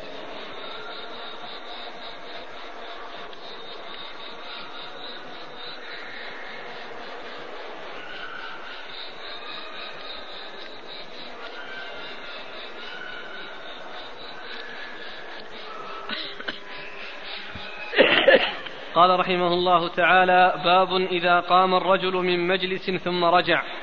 قال حدثنا موسى بن إسماعيل قال حدثنا حماد عن سهيل بن أبي صالح قال كنت عند أبي جالسا وعنده غلام فقام ثم رجع. فحدث أبي عن أبي هريرة رضي الله عنه عن النبي صلى الله عليه وعلى آله وسلم أنه قال إذا قام الرجل من مجلس ثم رجع إليه فهو أحق به ثم ورد أبو داود آه، ترجمة إيش؟ باب إذا قام الرجل من مجلس ثم رجع. باب إذا قام الرجل من مجلس ثم رجع. إذا قام الرجل من مجلس ثم رجع. يعني أنه أحق به من غيره. لأنه يعني مثلا سواء كان في المسجد بمعنى أنه كان فيه وراح يشرب ماء أو راح يجيب له مصحف فهو أحق به من غيره. لأن مثل هذه الأمور يعني الأمور تدعو إليها الحاجة فهو أحق به. وكذلك إذا كان في مجلس وقام لي يعني آه، يأخذ شيئا أو ليقضي حاجة فإنه أحق به. ولكنه إذا خرج ودع الناس ثم الناس يعني جلسوا فإذا جاء فإنه آه، كواحد من الذين يدخلون من جديد.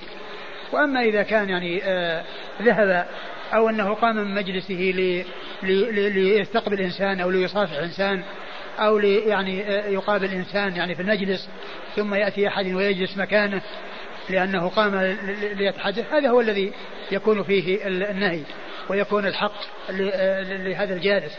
أما إذا كان جالس يعني خرج وغادر المكان وانتهى من المكان والناس جلسوا فإن آه، حقه يكون سقط. وكان كواحد من الذين يأتون من جديد.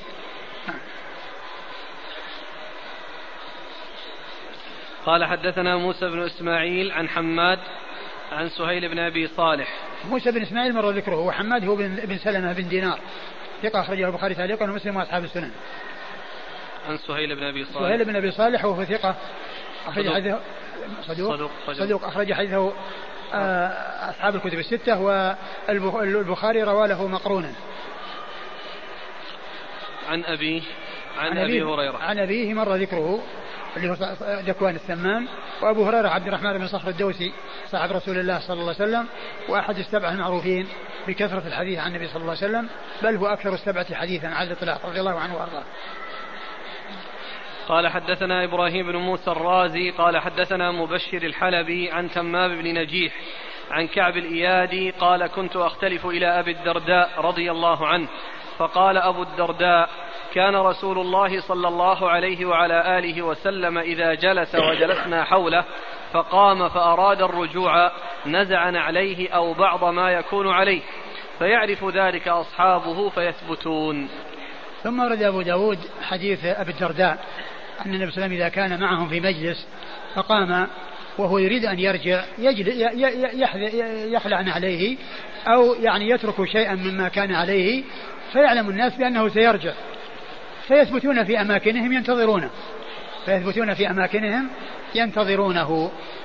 وهذا آه يعني آه أورده المصنف في آه أنه إذا قام يعني مستدلا به على أن الإنسان لو قام وكان يعني معروف أنه سيرجع بمعنى أنه ترك شيئا يدل على رجوعه فإنهم يتركون له مكانه حتى يأتي.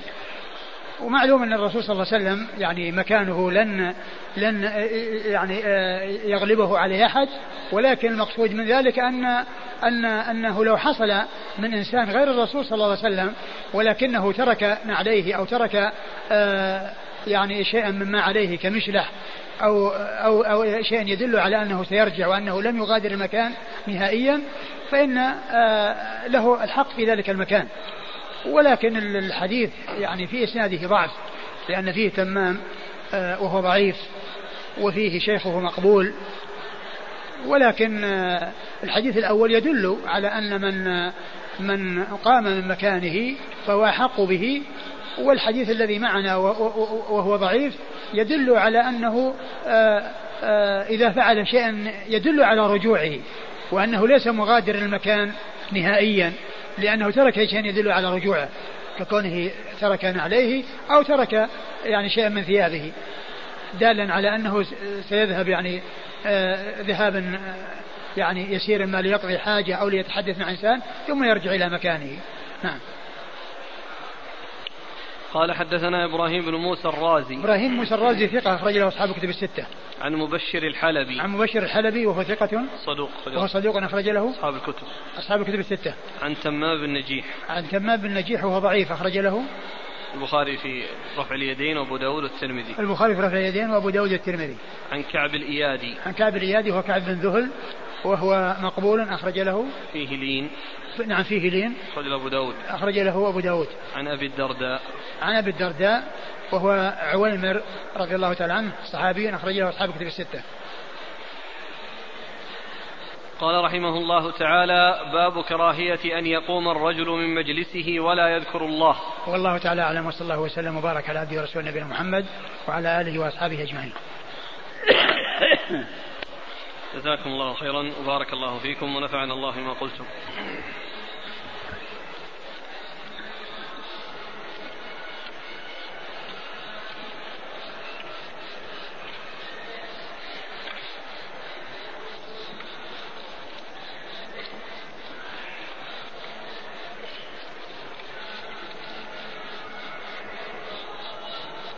يقول السائل نأتي مبكرا ونضع كتابا أو كرسيا في المكان الذي نريد الجلوس فيه. وعندما نأتي نجد من جلس فيه وحرك ما وضعناه ويقول هذا لا يجوز فما حكم ذلك؟ هذا غير هذا لا ينبغي مثل هذا العمل لأن الإنسان يعني هذا مثل مثل ما يتعلق بالصف الأول. الصف الأول ما يجي أحد يحجز في مكان يروح وإنما يعني آه الإنسان يصلي ثم يأتي للمكان ويجلس حيث ينتهي بالمجلس والحمد لله الصوت واضح وال والكل يسمع الصوت وليس فيه خفاء بحيث يعني يحصل القرب لكي يسمع لأن القريب والبعيد كلهم يسمعون. القريب والبعيد كلهم يسمعون والأسئلة كلها تأتي عن طريق الأوراق ويمكن أن المتأخر والمتقدم كلهم يعني يتحقق يعني ما يريدون. فمثل هذه الطريقة التي وضع شيء في المكان وليس فيه صفوف يعني ولم تصل إليه الصفوف هذا لا ينبغي. بل الإنسان يعني عليه أنه يترك الأمر وإذا فرغ من الصلاة يعني يأتي ويجلس حيث ينتهي بالمجلس وليس هناك أمر يدعو إلى التسابق لأن الصوت يصل إلى الجميع. نعم.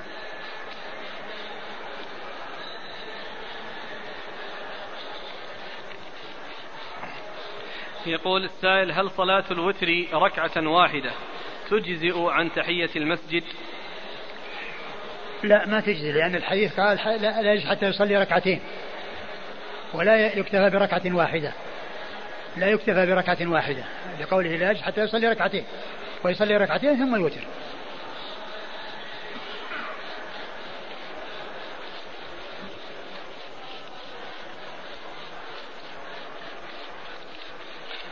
يقول هل الرجل الذي يأتي المسجد بعد انقضاء الجماعة يصلي المكتوبة به؟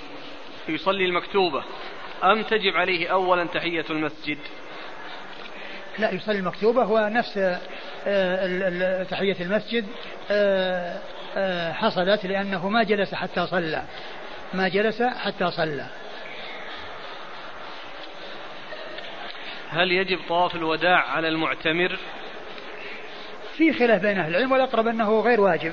ولكن ينبغي الإنسان أن يحرص عليه وأن يأتي به وإن لم يأتي به فإنه لا شيء عليه.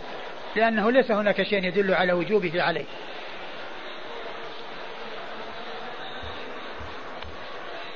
هل يجوز للإنسان أن يسمي ولده سلام بغير تشديد؟ يجوز. ما هناك ما يمنع منه.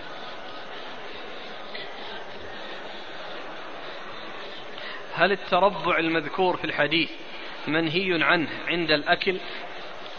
جاء في بعض في بعض التفسيرات للتربع للاتكاء أنه تربع. يعني جاء أن من معاني آه، الاتكاء عند الأكل الذي هو التربع. وقالوا أنه يدل على النهم ويعني شدة الشهوة والنهم في الأكل. فبعض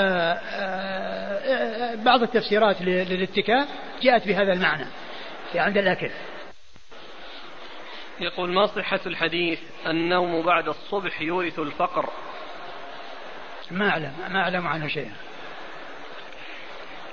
لكنه جاء في الحديث بورك لأمتي في بكورها. يقول من استيقظ لصلاة الصبح وقد أقيمت الصلاة وهو على جنابة. فهل له أن يدرك الصلاة بتيمم؟ أم عليه أن يغتسل وإن فاتت عليه أن يغتسل ولو فاتت الصلاة.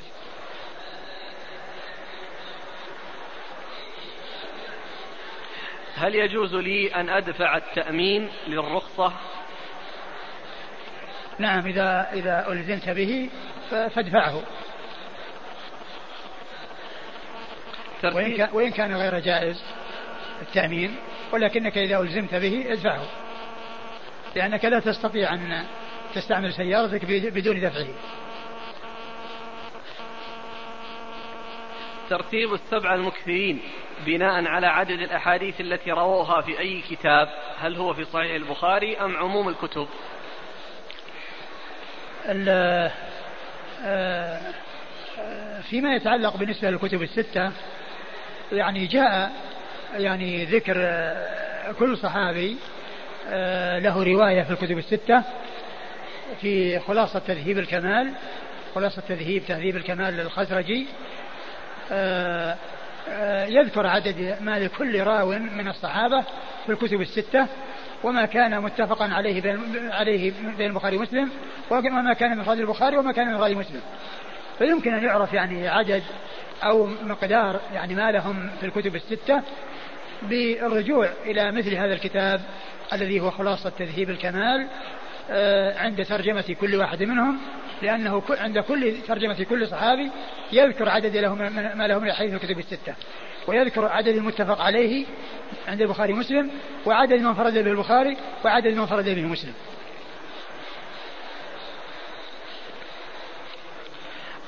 يقول ماذا تقولون في, في الذين يضعون شيئا من ثيابهم مثل الطاقية في وسط الصفوف أثناء الصلاة كما يحصل في صلاة التراويح والقيام. فهل هذا جائز؟ لا هذا غلط.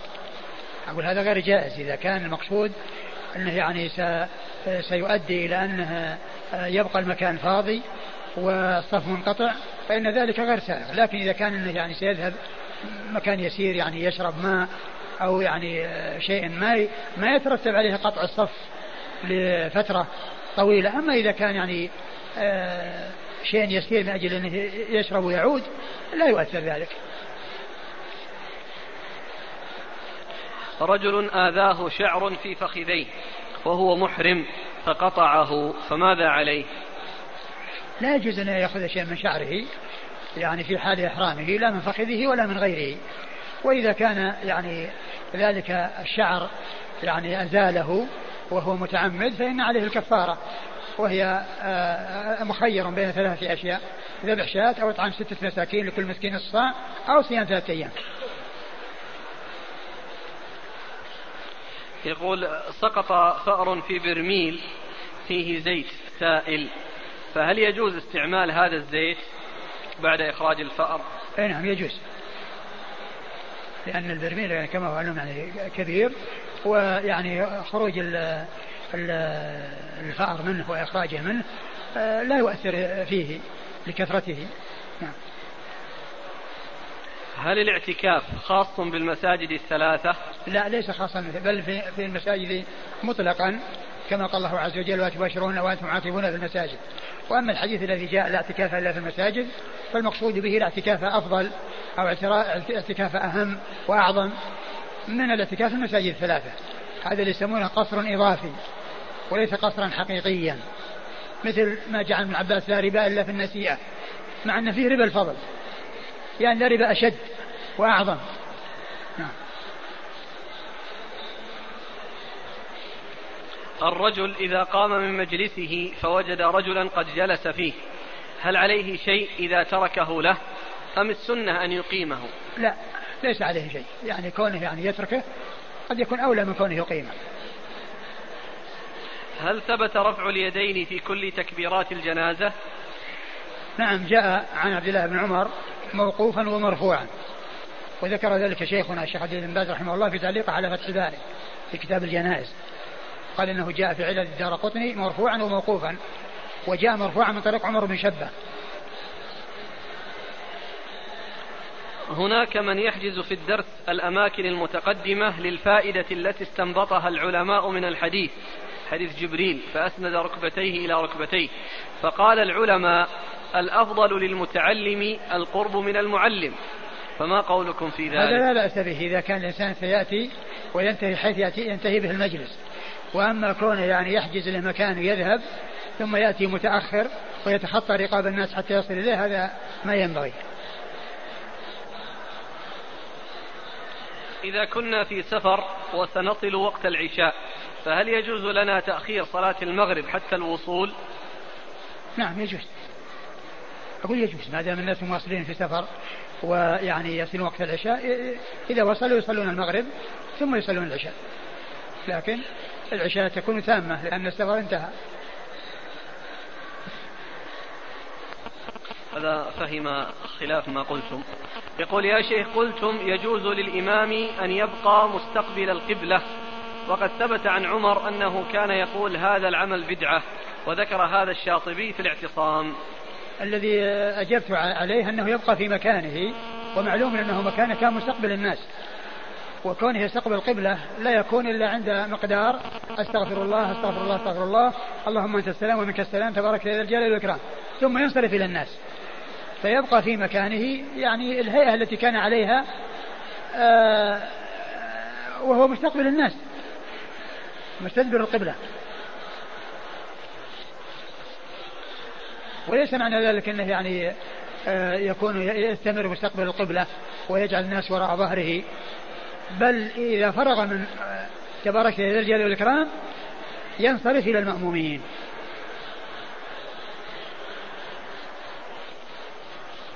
إذا رأى المسلم شيئا منكرا كسب الله ورسوله. صلى الله عليه وسلم. فما الواجب عليه بعد إسداء النصيحة والبيان؟ الواجب عليه أن يرفع أمره إلى المسؤولين ويعني يشهد عليه ويخبر أو يعني إذا كان نصحه وبين له ويعني ورجع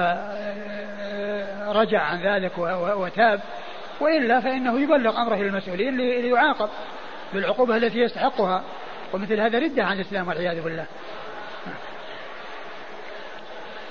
وهل التكفير في مثل هذه الحالة لآحاد الناس؟ معلوم أن مثل هذا كفر بلا إشكال.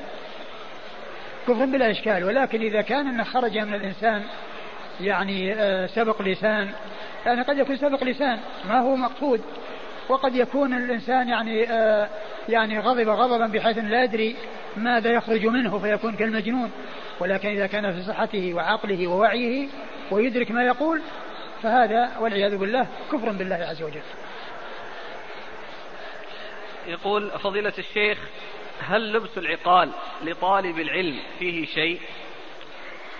ليس هذا من سمات طلبة العلم ولكن لا بأس بلبسه لا مانع منه ولكن ليس هذا من سمات طلبة العلم في هذه البلاد. وقع لي حادث مروري. فهل يجوز لي أخذ التعويض من طرق عن طريق شركات التأمين الخاصة بالحوادث؟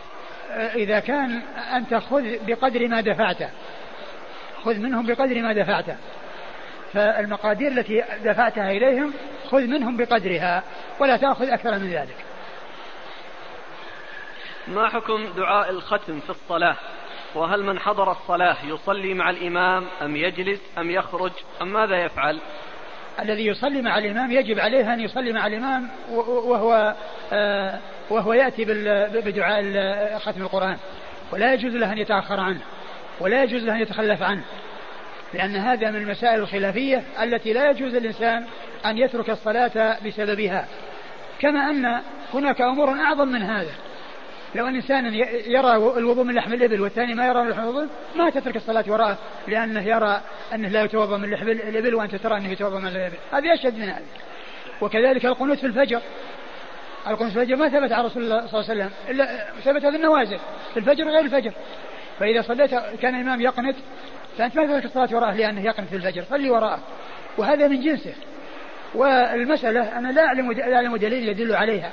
ولكن بعض مشايخنا مثل الشيخ ابن باز رحمة الله عليه يرى أن ذلك سائق وأنه جائز وأنه جاء عن عن العلماء وذكر ذلك في فتواه في الجزء الحادي عشر صفحة آه، آه، آه، ثلاثين وأربعة وخمسين لأن مرت بنا المسألة هذه من يومين وعرفت مكان فتوى الشيخ في الجزء الحادي عشر وثلاثين وأربعة وخمسين.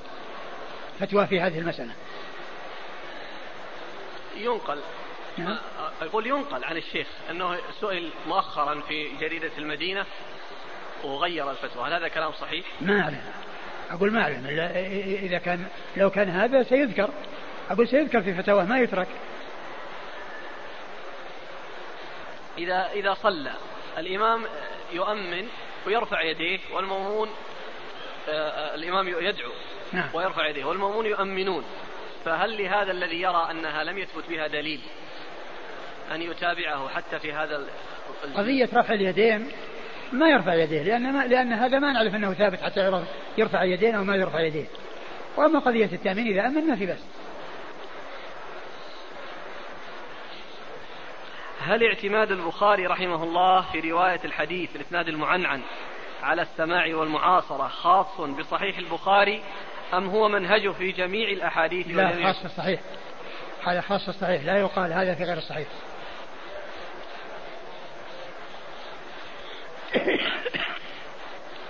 صلاة الركعتين بمسجد قباء بنية أجل العمرة. هل تجزئ عن ركعتي السنة الراتبة إن كانت بعد صلاة المغرب؟ أه الحديث الذي فيه ذكر العمرة ليس فيه ذكر ركعتين. وإنما جاء فيه من تطهر في بيته ثم أتى مسجد قباء فصلى فيه صلاة. كان كأجر عمرة فيدخل في ذلك الفرض والنفل.